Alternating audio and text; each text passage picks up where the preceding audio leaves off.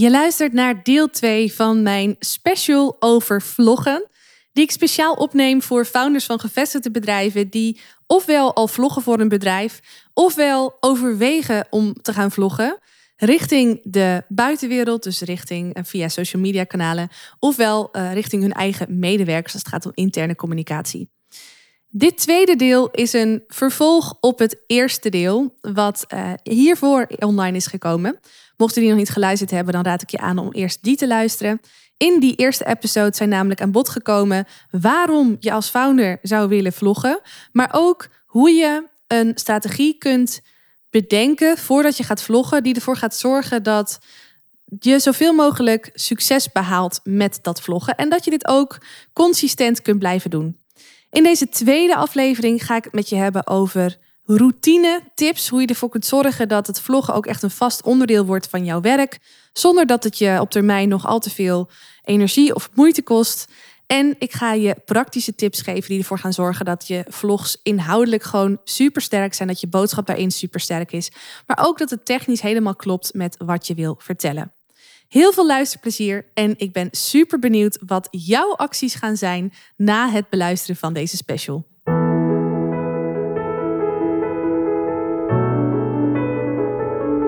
Mijn naam is Marije Wielenga.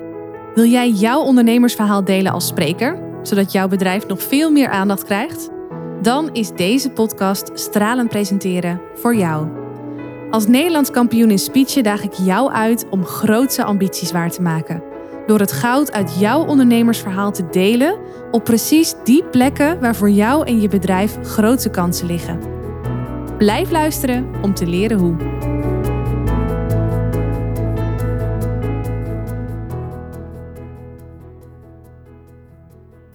Je hebt dus besloten dat je gaat vloggen. Je hebt, als het goed is, ook een soort van strategie bedacht daarvoor. En dat heb je ook als je hè, verstandig bent, goed overlegd met de afdeling marketing en misschien met het MT. En dan is het zover. Hoe ga je dan beginnen? Hoe zorg je voor routine? En hoe zorg je ook hè, dat, dat, dat het gewoon inhoudelijk goed is wat je gaat vertellen? Laten we eerst even inzoomen op dat stukje routine. Ik vind het belangrijk. Nee, laat ik het zo zeggen. Ik weet dat als jij ondernemer bent en ook zelf nog heel actief bent in het bedrijf, dat je agenda over het algemeen behoorlijk vol zit. Dat is een goed teken, denk ik, mits het niet te vol zit.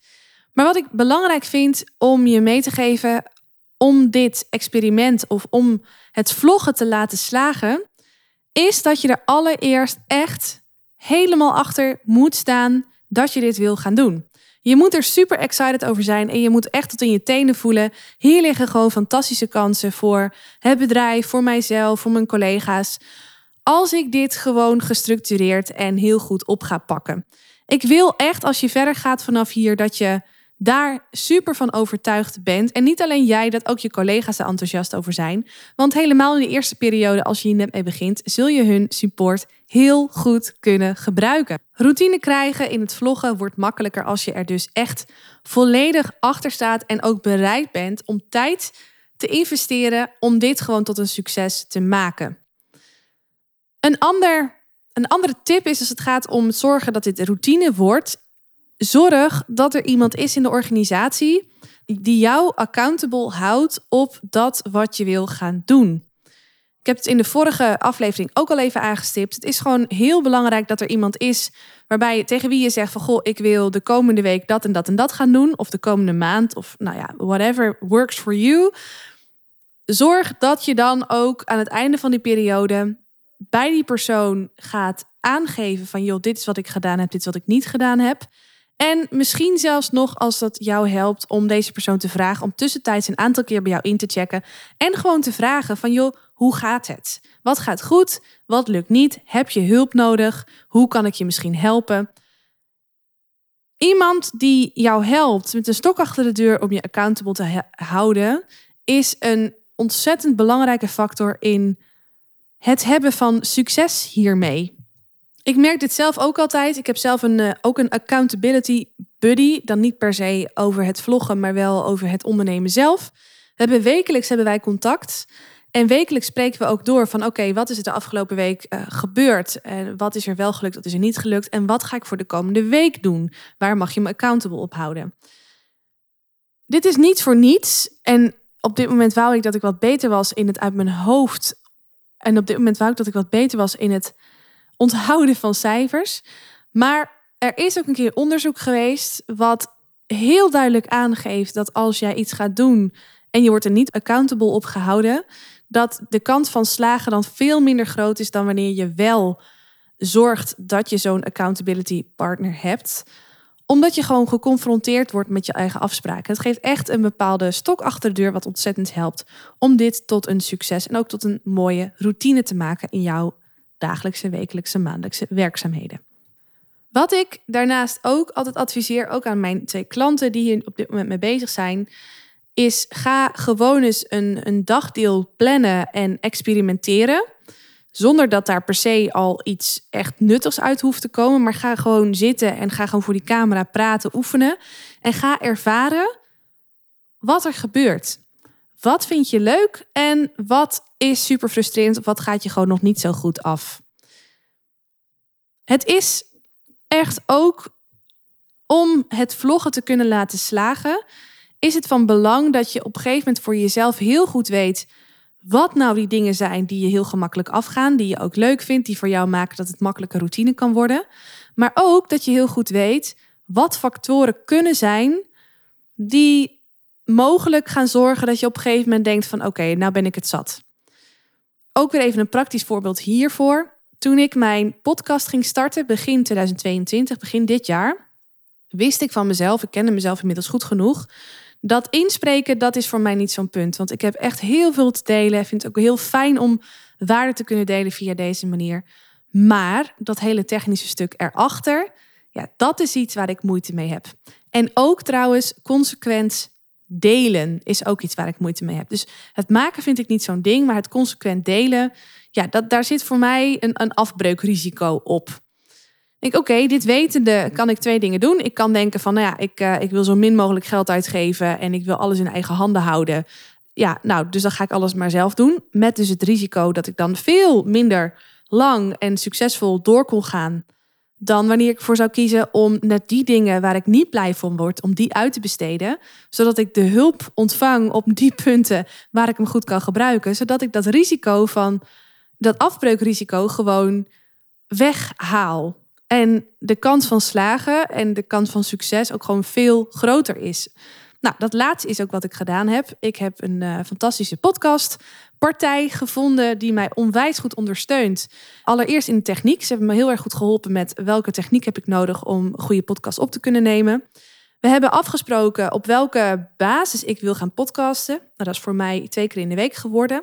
Uh, daar uh, word ik uh, indirect ook door hun op accountable gehouden. Want als ik hem niet aanlever, dan, ja, dan is het er niet. Dus dat is wel een bepaalde stok achter de deur. En daarbij werkt het voor mij zo dat ik, ik neem de afleveringen op. Ik sla ze op, ik plaats ze in de cloud. Vervolgens maak ik zelf nog de, de show notes. Of ik geef een beschrijving in, hè, per aflevering van wat erin staat. Een stukje tekst. En ik gooi het over de schutting, even heel plat gezegd. En de rest doen zij. Zij zorgen iedere week weer dat ze twee afleveringen voor mij monteren. Dat intro erbij plakken, het outro erbij plakken. Voor muziekje zorgen. Zorgen dat de kwaliteit van het geluid heel goed is. En um, zij plannen hem ook in. Dus ik heb er daarna gewoon geen omkijken meer naar. En dit maakt dat ik, het is nu bijna juli, dat ik het gewoon al bijna uh, al zes maanden volhoud om gewoon consequent twee keer per week een podcast uit te brengen. Super fijn. Maar het komt gewoon echt omdat ik van tevoren heel goed heb bedacht wat succesfactoren zijn die, ik, die gaan maken dat ik het heel makkelijk vol kan houden. En ook goed heb bedacht van joh, waar heb ik ondersteuning bij nodig om te zorgen dat ik dit gewoon echt een vast onderdeel kan laten worden van mijn dagelijkse praktijk. Zonder dat ik in de frustratie schiet omdat ik dingen moet doen waar ik eigenlijk helemaal niet blij van word. Nou, datzelfde mag jij gaan doen als je dus gaat vloggen. Voor jezelf ervaren wat je leuk vindt wat voor jou ook te doen is als je kijkt naar je agenda. En daarbij ook, ook de dingen te zien die je minder leuk vindt, die afbreuk gaan doen op, het, uh, op de routine. En zorg dat je daar hulp bij ontvangt. Wie kan je helpen? In, uh, de, in het geval van mijn klanten, die hebben allebei binnen de afdeling marketing iemand die het super leuk vindt om met ze mee te denken. En ook super leuk vindt om die creativiteit toe te passen, vlogjes te maken en ook te monteren. Een van de twee doet zelfs dat helemaal uh, professioneel ook met ondertiteling erbij. Ziet er echt super goed uit.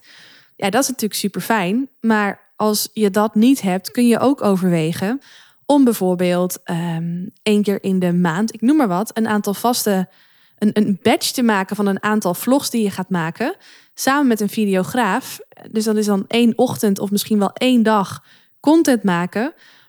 Dat er dan wel voor zorgt dat je vervolgens ook uitgesmeerd over de tijd genoeg content hebt om te delen. Dat is ook echt tijdwinst. Dat is iets wat ik zelf ook binnenkort ga doen. Ik heb met een, een binnenkort met een videograaf ook een, uh, een dagdeel afgeblokt om, uh, om ook waardevolle content te kunnen gaan maken. Ook op een externe locatie. Kost me wel wat tijd om dat van tevoren voor te bereiden. Maar het kost me uiteindelijk veel minder tijd dan wanneer ik iedere vlog weer apart en zelf op moet gaan nemen. En een nieuwe locatie bij moet gaan zoeken en weer een nieuwe tekst voor moet gaan bedenken. Nou, je voelt wat ik zeg. Dus succes zit hem er ook heel erg in, in weten wat je fijn vindt, wat je makkelijk afgaat. En ook weten wat dat niet is. En voor dat laatste om te zorgen dat je daar ondersteuning bij krijgt. Dat je het gewoon slim regelt voor jezelf. Laatste tip die ik dan ook heb om te zorgen dat dit op een fijne manier een routine voor je wordt, is dat badge. En dat is het voorbeeld wat ik net zelf gaf, wat ik binnenkort zelf ook ga doen met een videograaf. Door te badgen ga je gewoon heel veel tijd besparen. Goed om nog even te weten. Ik heb het in de eerste aflevering gehad over vloggen voor je netwerk, naar buiten toe zeg maar. Dus via sociale media kanalen. Versus vloggen voor je eigen medewerkers. Ik kan me persoonlijk voorstellen dat je voor vlogjes die naar buiten gaan andere, dat je daar andere eisen aan stelt dan vlogjes die je gebruikt voor je eigen medewerkers. Weeg hierin ook af wat voor jou fijn werkt. Kijk, de, de klanten met wie ik werk, die op dit moment vloggen, die doen dat allebei voor hun eigen medewerkers. En daarmee ja, hebben ze ook een wat minder hoge standaard dan bedrijfsvideo's of in ieder geval vlogs naar buiten toe. Maar ja, het kan ook zo zijn dat jij werkt bij een bedrijf waarbij je het wel heel erg belangrijk vindt dat, het, dat de kwaliteit van de video's gewoon goed is zij, ja, zij vloggen dus zelf hè, voor hun medewerkers. Maar het kan ook zo zijn dat jij zegt van ik ga ook voor mijn eigen medewerkers vloggen. Maar ik heb er gewoon heel veel baat bij dat ik dat ook met een externe videograaf. It's up to you. Maar maak er wel een beslissing over en ehm, kijk gewoon wat voor jou het beste werkt. En ook wat het slimste werkt. Een van mijn twee klanten heeft ook heel duidelijk een aantal pijlers bedacht in de strategie voor het interne vloggen. En het mooie van die pijlers is dat er een aantal pijlers zijn die tijdloos zijn. Als in, hij kan rustig um, bijvoorbeeld. Um, nou, een van zijn pijlers is dat hij met regelmaat een vestiging wil opzoeken. En via die vlog andere medewerkers kennis wil laten maken met die vestiging. Nou, dit is een thema wat best tijdloos is. Hij kan prima, als hij toch in een bepaalde week toch bij drie of vier verschillende vestigingen is, net ook in die week met zijn marketingcollega afspreken dat hij meegaat om daar vlogjes op te nemen. Om vervolgens dan daarna, dat die, dat die collega dat dan monteert, om dat dan vervolgens daarna pas uh, twee of drie weken later uh, te gaan delen met de medewerkers. En er zijn thema's die gewoon tijdloos zijn, die maken dat je ze makkelijker kunt batchen, dat je ze makkelijker in één keer op kunt nemen. Maar er zijn ook thema's die dat minder goed toelaten. Eén thema wat bij hem speelt is dat hij graag ook uh, de jaarcijfers, of in ieder geval de maandcijfers, de kwartaalcijfers, ik weet even niet welke termijn hij dit wil doen, maar dat hij die wil delen. Ja, dat kun je natuurlijk niet gebatcht doen. die zijn actueel en die wil je gewoon op dat moment maken en ook het liefst zo snel mogelijk delen. Maar omdat hij pijlers heeft die tijdloos zijn, gecombineerd met pijlers die minder tijdloos zijn, is hij in staat om wel een voorraadje te maken, zodat hij altijd wel op structurele basis kan blijven delen en dus zichtbaar en hoorbaar kan zijn voor in dit geval zijn collega's. Dus dit is ook iets om goed over na te denken. Hoe kun jij zorgen dat je wel regelmatig zichtbaar en hoorbaar bent zonder dat het voor jou een hele grote ehm, ja, heel veel tijd hoeft te kosten in je agenda. Hoe kun je dit slim doen? Denk daar goed over na, want ook dat is een, ja, een, belangrijk punt wat gaat maken dat je heel succesvol bent met je vlog of dat je juist uh, ja, makkelijker afhaakt. Dan wil ik dit thema, het routine-thema, afsluiten ook weer, net als in de vorige aflevering, met een uh, concrete vraag aan jou. Om nu even bij stil te staan, om de podcast ook even bij stil te zetten, zodat je het even kan noteren. Of gewoon even over kunt mijmeren. En dat is de vraag: hoe kun jij van grote waarde zijn met je vlogs, terwijl het je tegelijkertijd zo min mogelijk inspanning en moeite kost om deze te maken? Dus hoe kun jij van grote waarde zijn met je vlogs, terwijl het je tegelijkertijd zo min mogelijk inspanning en moeite kost om ze te maken? Zet deze aflevering even stil en denk daar even over na of schrijf je ideeën daarover op op papier. Oké, dan zijn we toegekomen aan de, de vierde en daarmee ook het laatste ding wat ik met je wil delen om te zorgen dat jij hele waardevolle vlogs kunt gaan maken voor je medewerkers of voor de buitenwereld. En dat zijn de praktische tips die ervoor gaan zorgen dat je inhoudelijk gewoon een ijzersterk verhaal vertelt. Ik realiseer me dat ik hier echt heel erg lang op door kan praten, dus ik ga echt kernachtig willen zijn met je nu. Ook omdat ik denk dat dit juist daar waar het een onderwerp is waar je heel veel ehm, ja, waar ik je over, heel veel over kan vertellen. Dat het tegelijkertijd ook een onderdeel is waar je heel veel over kunt vinden als je gaat googlen op vlogtips bijvoorbeeld. Dus ik wil in deze aflevering echt, echt de specifieke dingen met je delen die je daar niet zo snel zult vinden.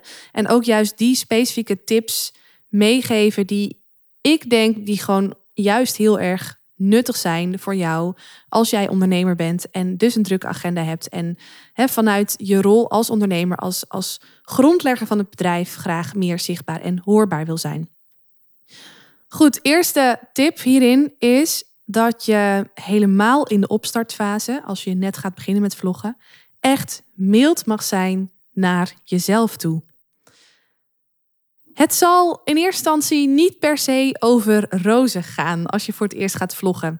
Vaak er komt, er komt techniek bij kijken, er komt uh, ongemak bij kijken, want je gaat een boodschap inspreken en je weet dat die straks door heel veel mensen gehoord gaat worden. Uh, ongemak. Ja, er gaan gewoon heel veel dingen op je pad komen, vooral aan het begin, die je een super ongemakkelijk gevoel gaan geven, uh, die het risico op ik kap ermee heel erg gaan vergroten. Het helpt in deze fase niet door super streng te zijn op jezelf. Door bijvoorbeeld te zeggen van, nou, ik moet gewoon in een half uur één vlogje op kunnen nemen. Of um, alles moet gewoon in één take lukken. Of um, het moet er gelijk super gelikt en professioneel uitzien. Nee, dat helpt gewoon totaal niet. Wees mild voor jezelf. Want als jij mild bent naar jezelf toe, wordt het en veel leuker om, hè, veel makkelijker om hier echt een, een de vingers achter te krijgen om hier echt ervaring in op te doen en ook meer met gemak dit te kunnen doen. Maar het is ook veel leuker voor de kijker om naar te kijken, omdat hij gewoon gaat voelen dat je uitstraalt dat je vanuit flow een bepaald verhaal vertelt. Wees mild naar jezelf. Nou, hoe kun je dat doen? Even een hele praktische tip daarover, en die heb ik volgens mij ook al genoemd net. Ga eerst zorgen dat je ruim de tijd neemt om te experimenteren. Door bijvoorbeeld te zeggen van, nou, ik ga gewoon volgende week in ieder geval één dagdeel afblokken om in alle rust, dus ook dat je niet gestoord kan worden, of misschien moet je het juist s avonds doen als iedereen naar huis is, maar dat je in ieder geval vanuit alle rust lekker kunt werken aan die vlogjes, zonder dat je gestoord wordt, maar ook zonder dat je nog andere dingen moet. Zorg echt dat je daar de tijd voor neemt. En met één keer een middagje of een avondje of een ochtendje ben je er denk ik niet. Ik denk dat het goed is om die eerste maand gewoon echt even een aantal keer vaste momenten in te plannen om hiermee bezig te zijn. Zonder dat er dan per se een resultaat uit moet komen. Dus je kunt bijvoorbeeld een aantal onderwerpen of een aantal vlogjes in de basis uitdenken. Bijvoorbeeld de drie thema's. Dat je bedenkt van nou, ik wil in ieder geval uh, drie, vlogjes over uh, opnemen over deze onderwerpen. Nou, ga dan gewoon daarmee zitten, maar zonder de doelstelling dat het dan ook per se af moet zijn als je een dagdeel hebt gezeten. Het is veel beter om het gewoon te ervaren en ook te kijken wat goed gaat, maar ook te kijken wat minder goed gaat en het gewoon nog een keer te doen om daar echt ervaring mee op te doen, dan dat het per se uh, nodig is om daar nou echt een harde deadline achter te zetten van nou, ik moet gewoon na één ochtend twee video's klaar hebben. Dat is veel frustrerender. Dus wees mild naar jezelf in deze opstartfase, maar ook op een later moment. Ik weet dat veel mensen last hebben van wat perfectionisme. En op zich is dat iets heel moois, want dat maakt dat je toch altijd je best wil doen om hem zo goed mogelijk resultaat neer te zetten. Maar het kan je ook heel erg in de weg zitten uh, in dit geval, omdat je dan onnodig heel veel tijd nodig kan zijn aan één vlogje. Ja, daar dat dus gewoon helemaal niet nodig is. Hierin helpt het ook weer enerzijds mild zijn naar jezelf, maar ook zorgen dat die accountability partner of die collega die je misschien helpt met filmen, dat hij mee kan denken, dat hij mee kan kijken. Want over het algemeen zijn we veel strenger op onszelf dan dat uh, de buitenwereld op ons is. Dus het helpt heel erg als jij denkt: oké, het begint ergens op te lijken, maar het is nog niet goed genoeg. Hou het dan eerst eens tegen een ander aan, want vaak is het al veel beter dan je denkt. Wees mild voor jezelf. Dan over de boodschap zelf. Qua lengte krijg ik vaak de vraag: wat is nou een ideale lengte? Ja, ik denk niet dat dat allemaal heel vastgegoten is of dat het heel standaard is. Wat we weten is dat er onderzoeken zijn geweest die, waaruit blijkt dat mensen maximaal drie tot vijf minuten echt gefocust ergens naar kunnen kijken. Nou, ik denk in het geval van social media dat het nog veel korter is, dat mensen veel vluchtiger zijn uh, en dus in, in veel minder seconden echt gepakt moeten zijn als je ze wil vangen om verder te kijken of om door te lezen. Ik denk dat een vlog van uh, nou, rond de drie minuten, twee tot drie minuten voor social media, echt wel de max is. En intern kan die misschien iets langer zijn. Maar ik denk dat twee, drie minuten dat dat wel een heel mooi streven is. Waarbij minder altijd goed is. En bij uitzondering wat meer ook geen ramp is. Dus pin je daar niet te veel aan vast. Wees daar niet in te streng in voor jezelf. Maar als je dat als uitgangspunt aanhoudt, dan uh, is het al heel goed. Die korte tijd maakt ook dat je jezelf mag uitdagen om de boodschap heel klein te houden. De hoe concreter en kleiner en compacter, hoe meer impact je kunt maken, maar ook hoe beter, ja, hoe, fijner het is om daarnaar te luisteren. Als jij in drie minuten tien tips wil geven ergens voor, ja, geheid dat mensen je dan al veel sneller kwijtraken dan wanneer je gewoon in één video één of twee tips deelt. Uh, waar ze daadwerkelijk gelijk wat mee kunnen. Dus kijk of je echt je boodschap zo klein mogelijk kan maken. Ik weet dat mensen dat heel moeilijk vinden. Ik vind dat zelf ook altijd vrij lastig. Ehm, nou, ga maar na, hè. Mijn podcast uh, aflevering 2 duurt nu alweer uh, eh, 20 minuten. maar hey, het is een podcast, geen vlog, dat scheelt. Als je het moeilijk vindt om, om, om je darlings te killen, zoals dat, dat ze mooi zeggen op zijn Engels, of om uh, um, je battles te choosen, bedenk je dan ook dat alles wat je nu in deze vlog niet vertelt, dat dat weer stof is om mee te nemen voor een volgende vlog. Dus hè, dat maakt dus ook dat je makkelijker een keer een aantal vlogs rondom hetzelfde thema kan maken, zoals ik nu doe met deze special. Of gewoon nieuwe inspiratie hebt voor een, uh, voor een ander thema waarin je wat dieper ingaat op een ander onderwerp. Zorg dat je het kort en bondig houdt, dat de boodschap klein en simpel blijft. Als je me wat langer volgt, dan weet je dat ik geen fan ben van boodschappen uitschrijven. Veel mensen hebben die neiging, ook voor het maken van een vlog, om eerst een verhaal helemaal uit te schrijven en het dan uit het hoofd te leren en dan voor de camera te gaan doen. Ja, ik denk dat dat echt onnodig veel moeite kost en ook afbreuk doet aan je boodschap. Want mensen gaan ook voelen dat je iets voorleest uh, omdat je andere taal gebruikt dan wanneer je spreektaal gebruikt. Dus ik wil je adviseren om in plaats daarvan, als je toch je vlog gaat voorbereiden, wat ik je zeker aanraad om te doen, in ieder geval in hoofdlijnen, om per vlog in ieder geval een super duidelijke, concrete boodschap te hebben. Dus bijvoorbeeld, um, ja, er moet een boodschap zijn wat je in één zin kunt zeggen. Wat is datgene wat je nu wil vertellen? Dat is bijvoorbeeld van dit is de vestiging in Harderwijk. Of dit is de special van deze week. En als je die boodschap, wat, wat je echt wil vertellen, maar kernachtig kunt formuleren in één zin, wordt het voor jou veel makkelijker om daar een verhaal omheen te vertellen, maar ook veel makkelijker om concreet te worden tijdens de vlog zelf. En als je die concrete zin hebt, zorg dan dat je die ergens in de eerste seconde al benoemt, zodat mensen gelijk weten als ze de video zien: oh, dit is wat ik hieruit ga halen, dit is hoe het nuttig is van mij. En als je dan die zin hebt verteld en daarna nog een stuk verhaal hebt verteld, kom dan ook weer, herhaal dan diezelfde boodschap weer dat klinkt een beetje betuttelend, maar het is heel goed, want dan weten mensen, oh, het verhaal is rond. Hij komt erop terug of zij komt erop terug. En dan, dan blijft die boodschap ook beter hangen, omdat je hem gewoon simpelweg herhaald hebt. Dus in de voorbereiding zorg dat je in ieder geval weet wat de concrete boodschap is die je in je vlog gaat vertellen. En zorg ook dat je die in één compacte zin kunt zeggen. En zorg dus dat je die herhaalt. Dat je die ergens aan het begin noemt bij je intro en dat je daar aan het einde nog een keer um, mee besluit. Dan de veelgehoorde vraag: wat voor soort techniek gebruik je? Werk je met een selfie stick? Werk je met een statief? Of laat je het door een videograaf doen? Nou ja, dat laatste heb ik het al eerder over gehad. Ik zou een videograaf zeker uh, overwegen als je uh, vlogjes gaat maken voor de buitenwereld. Intern is dat misschien niet per se nodig, maar kan het ook nog steeds handig zijn. It's up to you. Maar dan even die selfie stick versus het statief. Ook hierin staat het je vrij om te kiezen wat voor jou het beste werkt. Weet wel dat het fijn is om niet. Uh, nou ja, ik zou zelf geen voorkeur hebben voor een selfie stick. Omdat je dan en vaak echt heel dicht op iemands gezicht zit, wat een beetje ongemakkelijk is. Uh, vergelijk het even met een gesprek dat je voert met iemand. Als je echt heel dicht met je neus op elkaar zit, is dat veel ongemakkelijker dan wanneer er gewoon een meter tussen zit. Dus die afstand mag je ook aanhouden van jezelf tot aan de camera. Neem dat mee. Daarbij, als je een selfie stick gebruikt, nou zijn er natuurlijk wel meer geavanceerde selfie sticks, maar dan trilt je beeld over het algemeen wat meer en dat leidt af. Wees je daar ook bewust van als je toch per se met de selfie stick wil gaan werken. Maar dan nog een ander ding als het gaat om keuze in materiaal. Zorg dat waar je ook voor kiest, dat je op ooghoogte in de camera praat. Waarom is dat belangrijk? Als je een camera ergens onder je hebt en die richt zich tot jou, dan lijkt het voor de kijker net alsof jij op hun neerkijkt. En dat doet onbewust iets met ze. Maar andersom werkt het net zo. Als de camera veel hoger staat dan jij en jij kijkt omhoog, dan doet dat ook onbewust iets met de kijker.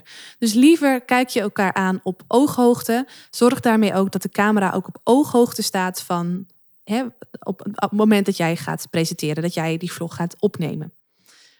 Moet je ook met een microfoontje werken? Ja, kan. Het is ook weer aan jou. Over het algemeen, als je in een rustige ruimte zit en er is, hè, het, is het is goed aangekleed, dus je hebt geen last van hol iets of van externe geluiden, dan kun je prima een vlog opnemen zonder microfoontje.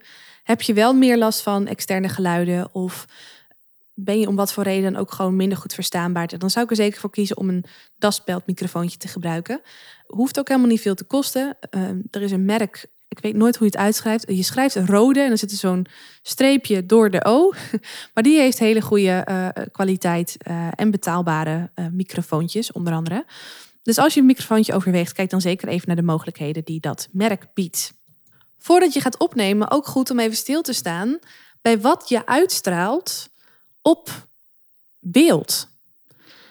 En deze opmerking heeft meerdere lagen. Want sowieso is het goed om te zorgen voor goed licht bijvoorbeeld. Het liefst ook daglicht, dat het gewoon natuurlijk licht is. Uh, geen schaduwen. En ook qua achtergrond, dat je zorgt voor een achtergrond die representatief is. Het is heel goed dat je daar bewust over nadenkt. Dus waar je zit, hoe de lichtinval is en wat je daarmee ook laat zien. Maar ook op een ander niveau is het goed om hier naar te kijken. En ik zal even een voorbeeld daarvan geven.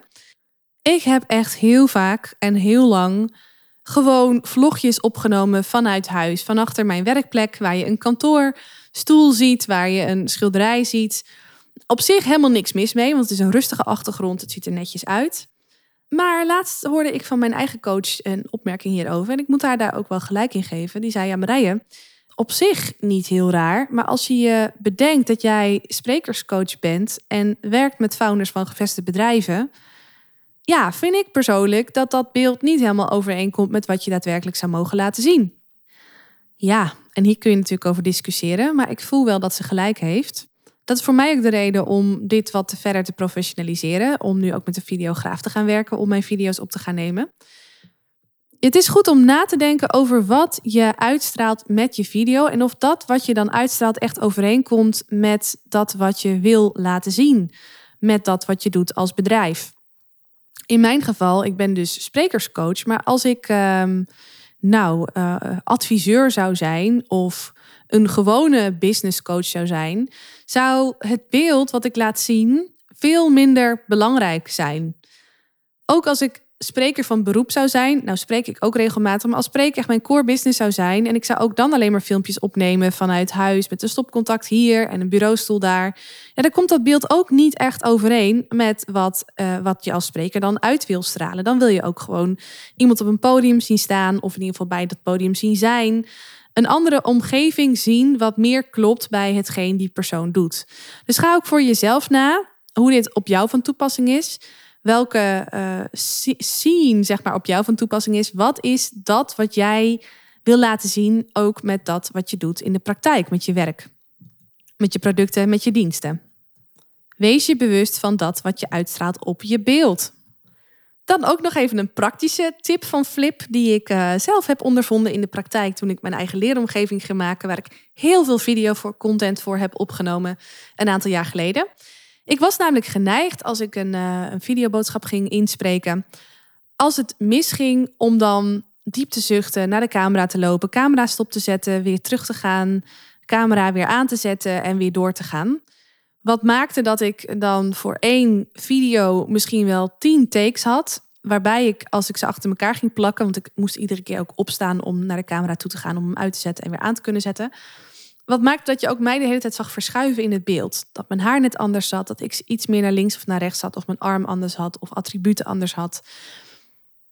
Geen ramp, alleen als je dat naast elkaar zet, dan zie je gewoon heel duidelijk dat er geknipt is in de montage. Nou, ik heb daar wat op gevonden. Het is veel beter en makkelijker om met one-takers te werken. Dus um, even teruggaan naar dezelfde situatie.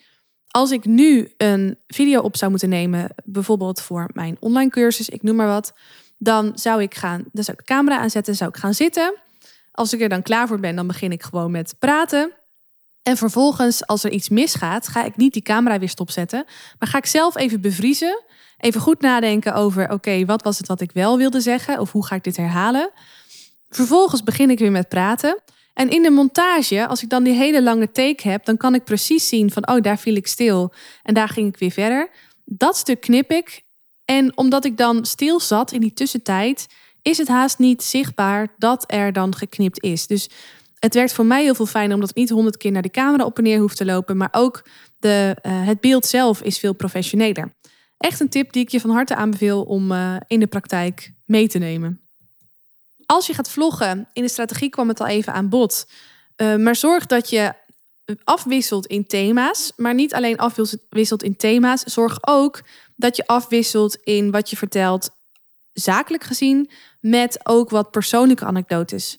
Dat laatste vinden mensen altijd super spannend en eng om te delen, want mensen zitten niet op mij te wachten en ze komen toch juist voor mijn bedrijf, voor mijn producten of voor mijn diensten. Ja en nee. Mensen zijn inderdaad nieuwsgierig. Mensen zijn vooral nieuwsgierig naar jou als mens. En als die persoonlijkheid die jij laat horen en laat zien ze aanstaat, zijn ze ook veel meer geneigd om te kiezen voor de producten en diensten die jij levert en maakt. Dus het is ook van belang om de mens achter jouzelf als professional, achter jouw rol te laten zien en horen. Dus mix zakelijke content echt goed af, ook met persoonlijke anekdotes, persoonlijke verhalen. Dan, stel, je hebt zo'n video opgenomen en je wil dat gaan delen. Dan is het niet zo dat je dat, stel dat je het even op LinkedIn plaatst, dat je die video op LinkedIn plaatst en dat je klaar bent. Nee, het liefst laat je een goede video ook samengaan met een sterk stukje content. Dus zorg ook de tekst die je erbij schrijft, dat je dat, je dat op een prikkelende wijze doet. Dat het uitnodigt, dat het, dat het nieuwsgierig maakt. Goed is ook om te zorgen voor ondertiteling, dat je die erbij maakt. Want heel veel mensen die scrollen door social media zonder het geluid daarbij eh, te luisteren. Nou, zou je geen ondertiteling hebben, dan gaat gelijk je boodschap verloren. Maar ook als je wel ondertiteling hebt en met ondertiteling werkt, is het goed om je video samen te laten gaan met een mooi, sterk stukje content. Dus ja, vergeet dat ook absoluut niet. En als je daar zelf niet zo goed in ben, bent, vraag dan iemand van marketing om je erbij te helpen. Daar zijn ze tenslotte heel erg goed in als het goed is. Dan nog twee punten. Zorg dat je, als je een video hebt gepost ergens, of dat nou voor interne medewerkers is of voor uh, de, de buitenwereld, zorg dat je ook interactie opbouwt. Dus dat je uh, bijvoorbeeld in je video zelf aan het einde een, een call to action plaatst. Dat je ze uitnodigt om iets te doen. En dan het liefst iets wat heel laagdrempelig is. Dus uh, vond je deze video leuk? Geef hem even een duimpje. Of uh, wat, wat, hoe, hoe is dit bij jou? Wil je het me laten weten in de comments? Of klik hier om meer informatie te lezen. Allemaal voorbeelden van call to actions, zoals we dat zo mooi noemen in marketingtermen. Maar nodig mensen allereerst uit om een actie te ondernemen om te reageren. En als ze reageren, doe hier dan ook wat mee. Als in, geef ze ook daar een duimpje weer op. Of reageer daar ook weer onder. Ik vind het altijd zo gek als mensen super mooie content delen, maar vervolgens helemaal niks doen met alle liefde die ze daarvoor terugkrijgen onder die video of onder dat stukje content. Dus wees je ook gewoon van bewust dat dit jouw manier is om verbinding te kunnen maken. niet alleen door alleen die video te laten zien, maar ook gewoon door te reageren op de, de comments die daaronder worden gegeven. En dan de laatste tip, en die geldt ook weer voor zowel uh, vloggen intern als vloggen extern. Bouw je beeldbank op. Natuurlijk zul je in het moment bepaalde video's delen met je medewerkers, maar het is heel fijn als mensen ook op een later moment nog eens even wat video's terug kunnen kijken. Dus als je dit intern doet, zorg dan dat je ergens een binnen een afgesloten omgeving alleen voor jouw medewerkers een soort ja, rubriek hebt waar ze die video's nog eens terug kunnen kijken. Maar ook als je video's deelt op sociale media, zorg dan dat je ze naast dat je ze op die social media plaatst ook nog eens deelt via bijvoorbeeld YouTube of Vimeo. Persoonlijk vind ik dat laatste veel professioneler, omdat je dan ook niet standaard reclame tussendoor krijgt. Je kunt via Vimeo ook makkelijker video's embedden op bijvoorbeeld je website of op andere plekken online. Ehm, maar kijk even wat voor jou het beste werkt. Maar in ieder geval wil ik je de tip geven om een soort van beeldbank uh, ja, op te bouwen als je dan toch die vlogjes maakt. Zodat je ook als mensen, ehm, stel dat je dus video's extern deelt, als mensen nieuwsgierig zijn naar wie jij bent als mens, dat ze ook door te googlen of via jouw Vimeo-account bewust gaan kijken, ook meer over jou te weten kunnen komen. Dat ze niet alleen maar afhankelijk zijn van die momenten dat je toevallig voorbij komt omdat het algoritme uh, ze gunstig gezind is. Dus overweeg dat ook om echt een stevige beeldbank op te bouwen. Is ook weer goed voor je cultuur en ook weer goed voor je imago. Ik zou nog heel veel meer tips kunnen noemen, maar ik, ik denk dat het voor nu goed is om het hierbij te houden. Neem deze praktische tips mee. En ook voor dit onderdeel wil ik je uitdagen om voor jezelf de vraag te beantwoorden: welke tips wil jij voor nu direct meenemen in de praktijk? Welke tips wil jij voor nu direct meenemen in de praktijk? Schrijf ze op of mijmer er nog even over, zodat je als je straks gaat vloggen, dat je hier gelijk je voordeel mee kunt doen. Dit was hem, het tweede deel van mijn special over vloggen. Ik hoop dat het super waardevol voor je was. Ik vond het in ieder geval super leuk om dit met je te delen. Tegelijkertijd kan ik me voorstellen dat het wellicht ook weer vragen oproept. Nou, mocht je die hebben, neem zeker even contact met me op. Want dan kan ik ze alsnog individueel aan je beantwoorden. Of er gewoon een nieuwe podcastaflevering over opnemen. Je kunt mij uh, vinden op, uh, op LinkedIn, via Instagram of via een contactformulier op de website. Alle linkjes zullen worden opgenomen in de show notes bij deze aflevering. En ben je nou zo'n founder die ook heel graag wil werken aan het verhaal naar buiten toe. Een verhaal dat recht doet aan het succes van jouw bedrijf, aan jouw persoonlijkheid, maar ook aan dat wat jij met je bedrijf te bieden hebt voor de wereld in de producten en diensten die jullie, uh, die jullie leveren. Wil je hierbij geholpen worden, ook dan neem contact met me op, want dat is wat ik heel, heel graag doe als sprekerscoach. Ik wens jou een hele fijne dag toe en uh, heel graag tot de volgende podcastaflevering.